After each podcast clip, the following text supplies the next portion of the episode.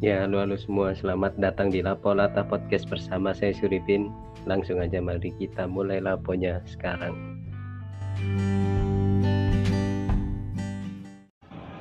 Nah, kembali lagi di Lapo Lata Podcast dan sekarang nggak sendirian. Sekarang uh, ditemani teman saya yang lain. Uh, mungkin langsung bisa perkenalan diri. Nama akun IG nggak usah terserah monggo Nama Eksa, akun IG at Eksaderil. akunnya akeh nah eh ini temen di kampung nggak temen sih karena baru diketahui kemarin jarak umur 8 tahun jadi kayaknya ini seumuran sama murid saya dulu jadi bukan temen nih adik adik kelas jauh Aneh. Gitu. Nah, eh, ini di luar kalau kemarin yang bahas masalah tentang kita yang pakai kartu itu skip dulu karena lagi nyari suasana baru. Jadi bahas yang lain dulu aja enaknya. Tapi eh, tetap pasti nanti bermanfaat. Insya Allah sih gitu. Eh, gimana? Mbak Onet sehat kabarnya? Oh bukan Mbak Onet, Mbak Iksa. Mbak Iksa sehat kabarnya. Alhamdulillah sehat. Alhamdulillah. Karena kalau sekarang nanya kabar bukan bahasa basi. Soalnya kalau sakit dikit itu harus diperhatikan gitu. Biar jatuhnya nggak eh, nggak nggak makin parah gitu aja. Nah, eh, saya mau tanya kan ini eh, saya jelaskan sebentar buat eh, teman-teman mendengar. Ini tuh Mbak Eksa itu mahasiswa eh, jurusan Mandarin apa Cina? Sastra Cina. Oh sastra Cina, sastra, sastra Cina itu angkatan 2019. 19. Nah itu eh, sebelum pandemi jadi masih ngerasain namanya kuliah luring atau kuliah di kampus kayak gitu. Karena 2020 ada pandemi. Nah eh, yang pingin saya tahu itu kenapa Mbak eh, Eksa kok milihnya sastra Cina gitu. Apa sebelumnya pas SMA itu ikut ekskul Cina, eh ekskul Cina, ekskul sat- eh, ya bahasa Cina kayak gitu atau emang eh, niatnya oh kuliah langsung ngambil sastra Cina. Ya awalnya waktu mau masuk kuliah itu awalnya emang mau ambil sastra tapi masih kepikirannya ya sastra Inggris soalnya waktu di SMA sendiri ya dari SMP SMA emang kalau soal bahasa itu ya lumayan apa cepet bisa gitu kan. Dulu juga ya sampai sekarang juga kan suka nonton kayak drama Korea atau variety show itu bisa cepet nyambung gitu bahasanya. Terus bisa kayak belajar otodidak gitu. Jadi kayaknya emang kalau ke bahasa mungkin emang apa ya kayak Eh Passion. pe- ya mungkin bisa dibilang gitu kan. Terus mau ambil sastra Inggris terus eh, minta saran ke keluarga gitu. Terus dari apa kan aku ada ini emas. Kakak. Eh, eh, lah dari masku itu apa bilang kalau ngapain maksudnya daripada sastra Inggris gimana kalau coba apa bahasa yang lain gitu. Terus akhirnya kepikiran itu bahasa Cina waktu itu soalnya kalau dari Mas sendiri itu bilangnya ya kayaknya bakalan dibutuhin ini terus oh. juga masih belum banyak yang apa yang ngambil gitu sastra Cina nah Gitu. akhirnya dari situ ambil sastra Cina gitu Gitu.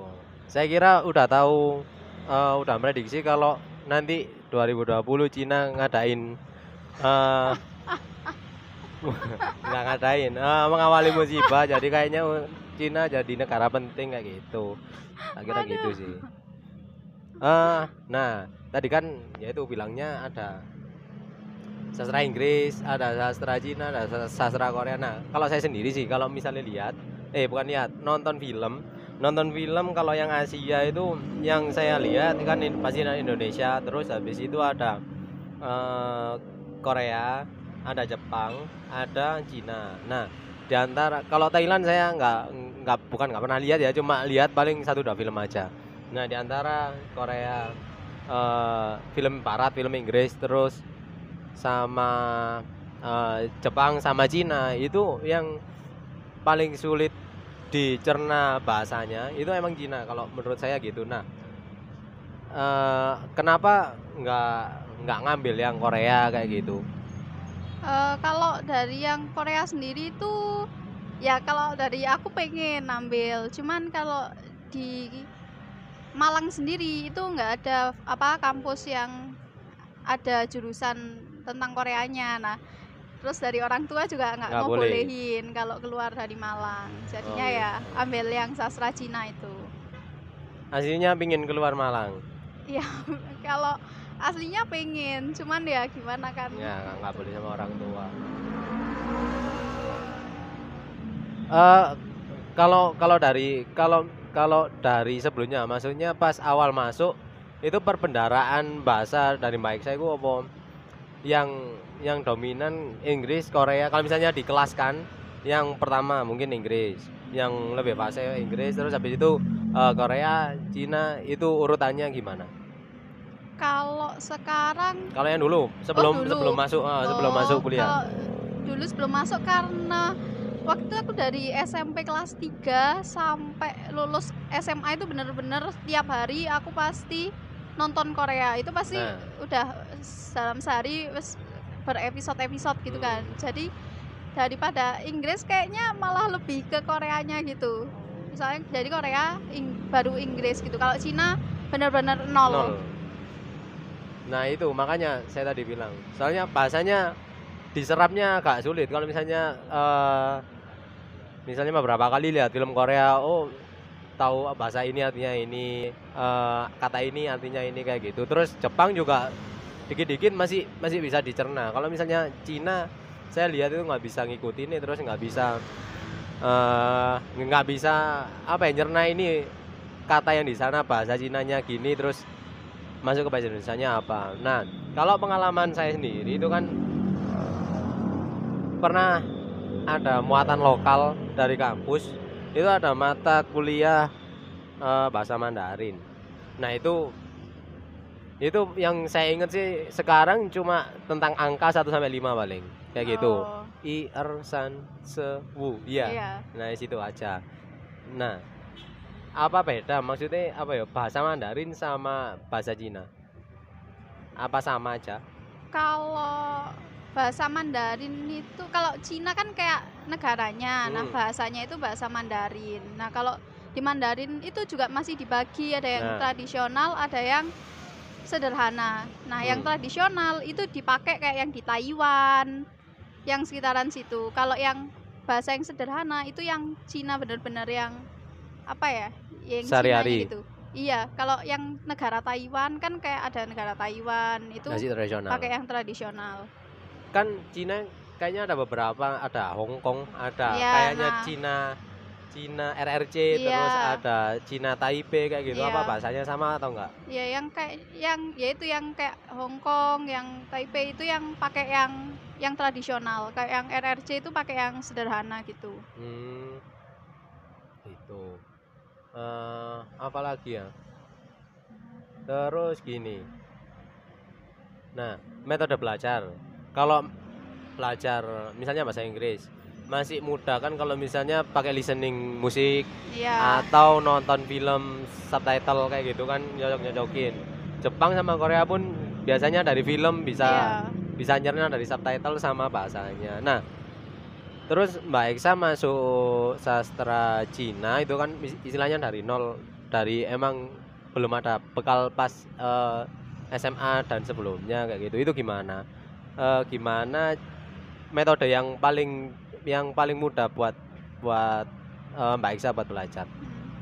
Sebenarnya kalau awalnya sendiri gitu termasuk apa beruntung juga masuk sastra Cina gitu. Soalnya kalau misal dilihat di yang di kampusku sendiri itu kayak misal kalau misal tiba-tiba aku masuk sastra Jepang gitu kan emang aku dari nol. Hmm. tapi udah banyak kan SMA yang kayak Oh, ngewajibin. iya. jadi itu ngewajibin bahasa Jepang gitu. Jadi kebanyakan anak yang masuk di sastra Jepang itu udah ada basic. Jadi Hmm. pengajaran dari dosennya juga cepet gitu. Kalau da- di sastra Cina karena emang Mayoritas jarang juga eh, eh, jadi dari dosen itu benar-benar pelan-pelan banget. Jadi dari awal dari benar-benar awal banget gitu belajarnya.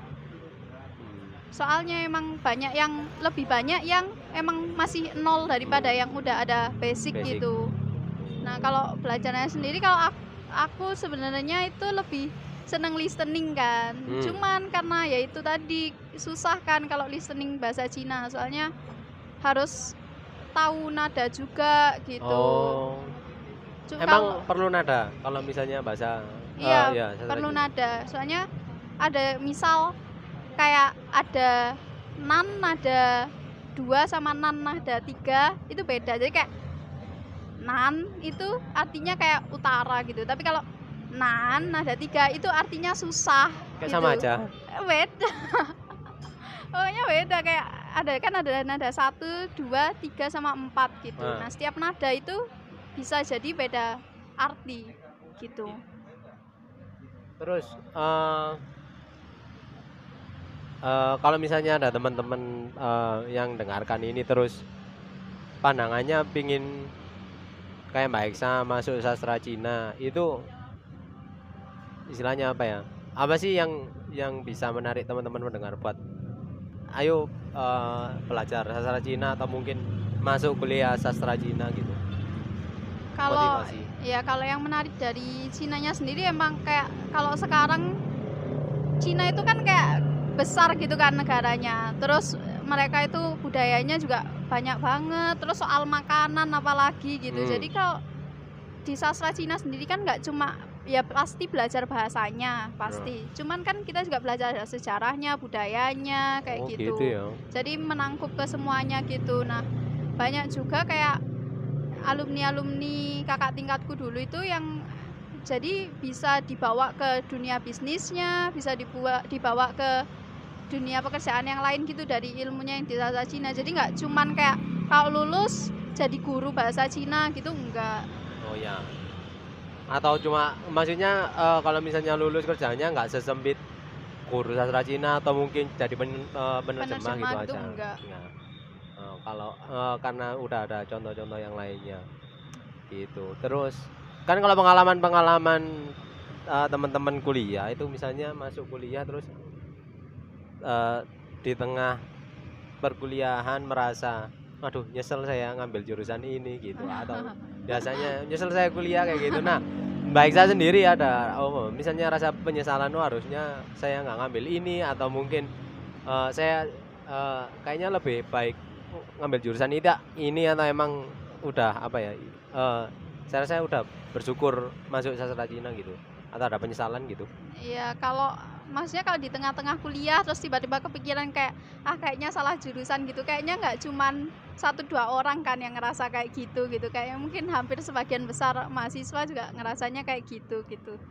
Kalau aku sendiri juga pernah kepikiran kayak ya maksudnya salah kayaknya salah ambil emang Hmm. gitu. Tapi kalau kepikiran buat pindah sih sampai sekarang nggak pernah. Pernahnya kepikiran kayak ya udahlah aku lulus nanti kerjanya nggak ambil Cina-Cinaan lagi kayak gitu gitu Oh, pernah sih kalau gitu. yang tentang kayak Hmm. gitu cuman kalau sekarang ya lebih diambil apanya ya maksudnya kan kuliah juga nggak cuman tentang apa akademik juga kan mungkin Hmm. bisa ambil sosialisasinya juga pasti banyak ilmu-ilmu yang lain juga Hmm. gitu jadi kayak ya kalau dibilang bersyukur ya bersyukur aja gitu nggak ada penyesalan keren keren Eh, menurut menurut Mbak Isa is- eh, sulit atau enggak kalau misalnya melajari bahasa Cina?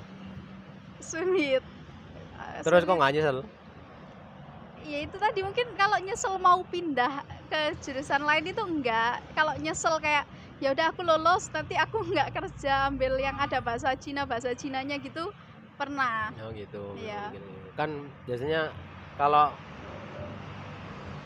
oh apa anak SMA terus setelah lulus SMA misal SMA-nya tentang IPA saya besok kalau kuliah nggak masuk IPA atau yang sejenisnya karena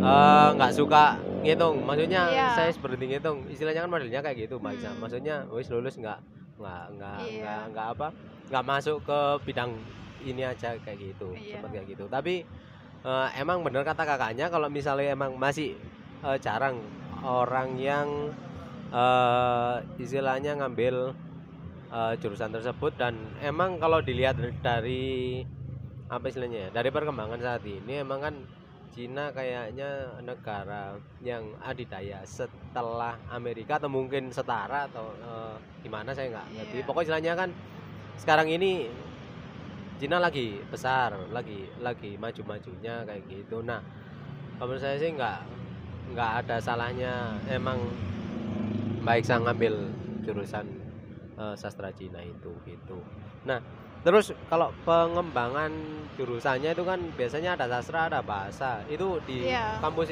Mbak Isa ada apa enggak Kalau di kampusku itu sastra sama pendidikan adanya. Jadi kayak kalau sastra ya nanti kan berarti lebih ke nggak nggak cuma bahasa gitu. Jadi Hmm. cuma ya ada tadi kayak sejarah budaya gitu. Nanti lulusnya kan juga SS kan kalau sastra. nah Nah, sama adanya pendidikan. Nah, pendidikan itu biasanya pendidikan bahasa gitu. Jadi pendidikan bahasa Jepang, misal kayak gitu. Nanti lulusnya SPD gitu. Jadi mereka lebih Oh. ke pendidikannya gitu. iya, iya. nah terus gini lagi Em, kalau di perkuliahan sastra Cina itu berarti eh, paling banyak tentang teori atau tentang praktek atau di semester ini berarti sekarang semester berapa?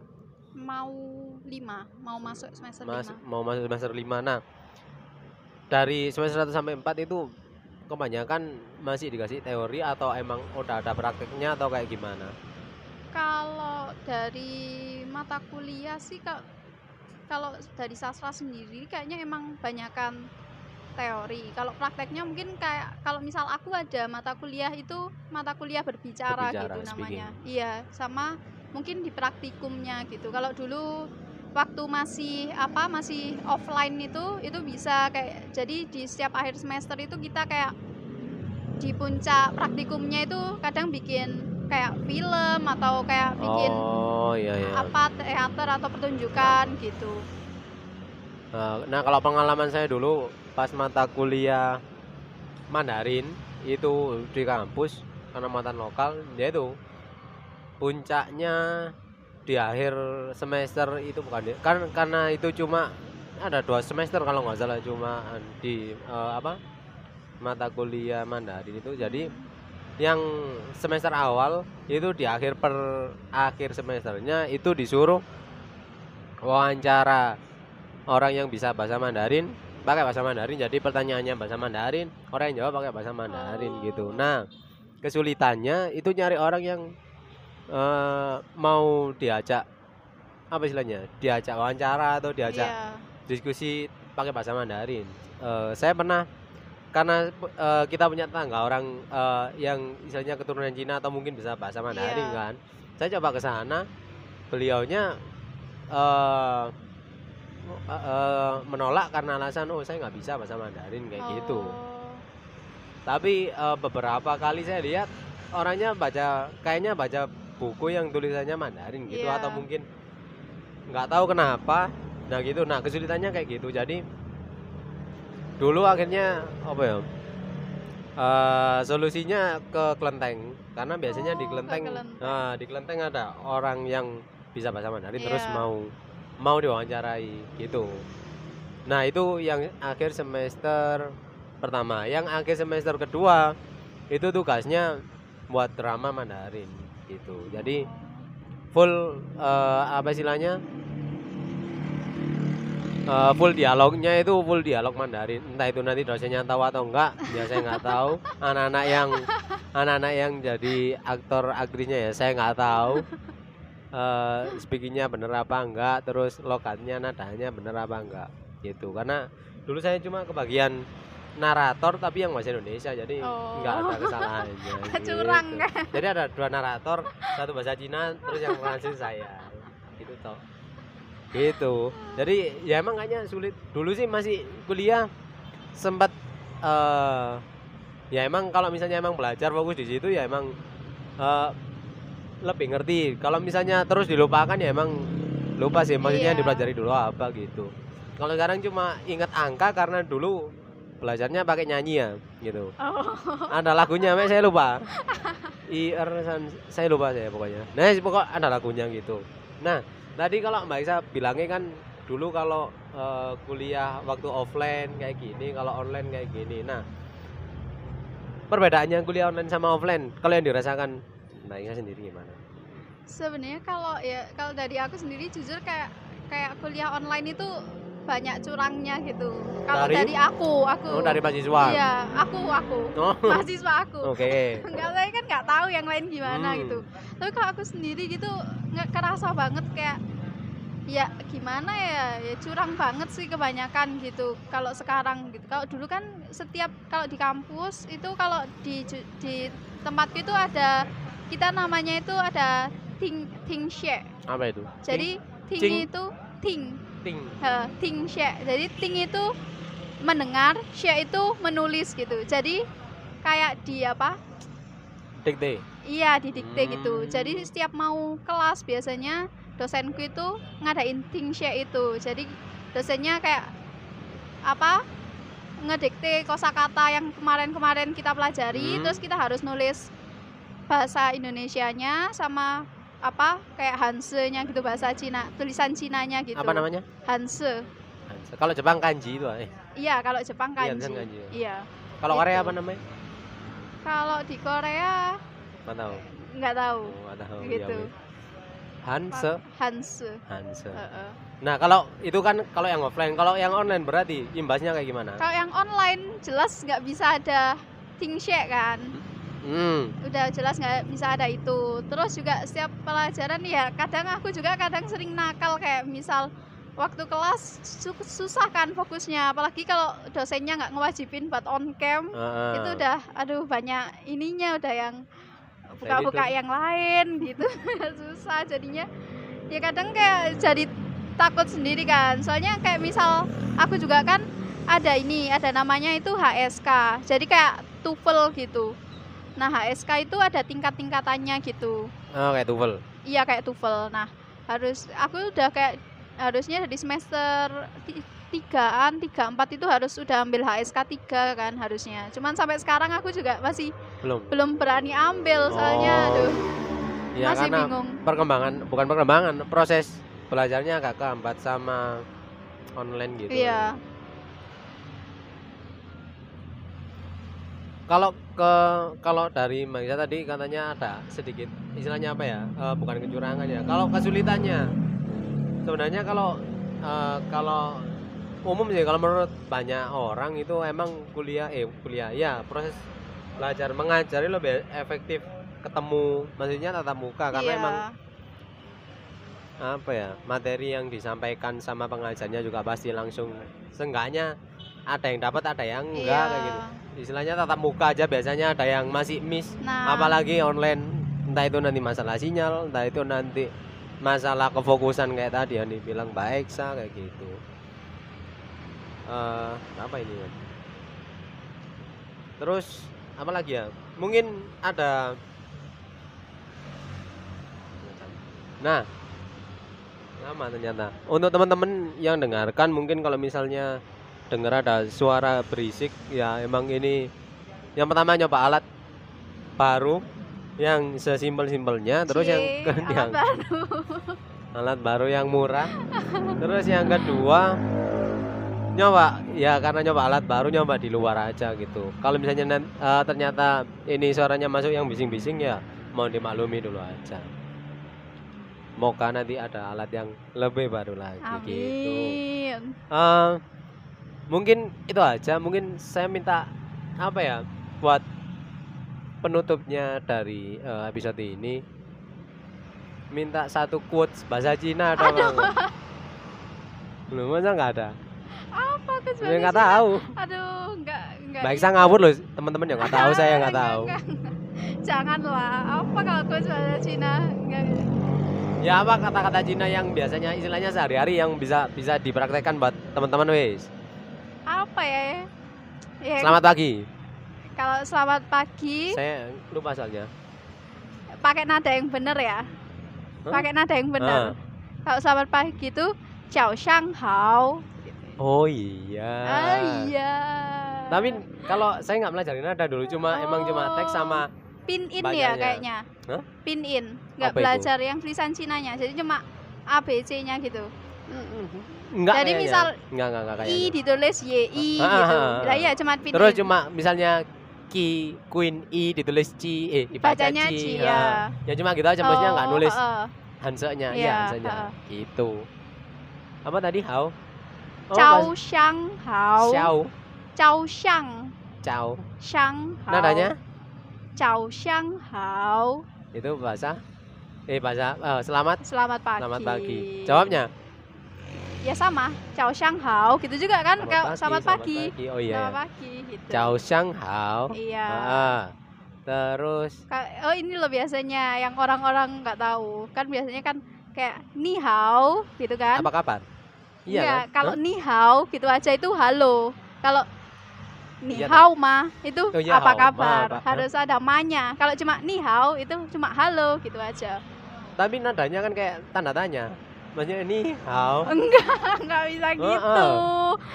Ni hao mah gitu itu baru apa kabar? Kalau cuma ni hao itu cuma halo gitu. Saya lupa ya apa ya teks yang dulu saya ingat ya? Kayak nggak ada ya. Ah,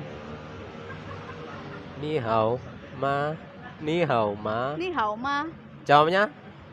Kalau misalnya ni hao ma Hmm. gitu apa kabar? Biasanya wo hen hao aku sangat baik gitu wo hen hao. hen Terus itu sangat wo itu aku wo hen hao wo itu aku, hen itu sangat. hao itu baik Berarti nggak ada balik-balikan kata kayak di bahasa Inggris. Apa sama kayak bahasa Indonesia berarti ya?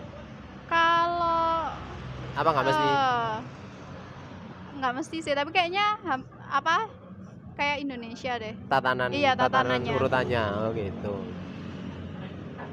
dulu speaking saya ngapain ya kuliahnya? Ah, ni hao ma. Ni hao ma. Wo. Wo hen hao. Iya. Terus kalau balik tanya? Nina. Oh iya Nina. Ah. juga kan itu artinya ya? Nina iya. kalau kamu ne itu kayak oh bukan ah? Ne itu kayak apa? Ini kan kamu. Ah. Nah itu kalau ya kalau kamu gitu. oh gitu kalau Nina. juga itu iya iya iya ye, benar benar benar wo ye hen hao gitu. Wo ye hen hao. Iya, baru ingat Nina. Nia Oma. Iya, Nina. Iya, iya, Langsung Iya, agak ada, ada memori ada memori yang dulu Ah. pernah ada sih, tapi ya baru kepanggil. eh, Nah, gitu. Ya wis. Eh, tadi ada ilmu sedikit ilmu. Ciao. Cao Lupa ya? Xiang Hao. Ciao, ya bener. Ciao Shanghao. Terus Ni Hao Ma itu apa kabar? Ni itu aku. Eh, ni itu apa? Kamu. Ni itu kamu. Hao itu Hao itu baik. Kamu Hao. baik. hao Kalau misalnya ni hao, ni hao aja berarti halo. Kalau ni hao ma itu apa kabar? Iya. Ha, betul. kan? Iya betul. Nah iya. Terus eh, nanti kalau misalnya ni hao ma jawabannya wo hen hao. Iya. Won hao. Wo hen hao. Nada tiga. Nanti kalau hao- nada hao gitu jadinya nomor artinya. Hao berapa nomor? Hao itu nomor. Oh, oh, nomor. Maksudnya Artinya. nomor. Iya. Wo hen hao. Nina. Heeh. Wo ye hen hao. Nah. Aku juga sangat baik. Oke. Wis, makasih Mbak Iksa nanti eh, akun dari Neta masukkan di sini. Sebelumnya terima kasih Iya. sudah menyempatkan waktu dan eh apa istilahnya waktu dan kesempatannya buat ngisi konten ini Se- semoga bermanfaat dan juga mungkin kalau misalnya ada project yang terdekat mungkin bisa segera dijalankan dan dilaksanakan dengan lancar Amin. emang ada project kan belum kuliah toh Iya tapi ada sih Oh, ada- ada beberapa. project. heeh. ada project ya udah makasih Mbak Eksa Iya, dan sama-sama. eh, terima kasih buat yang mendengarkan dah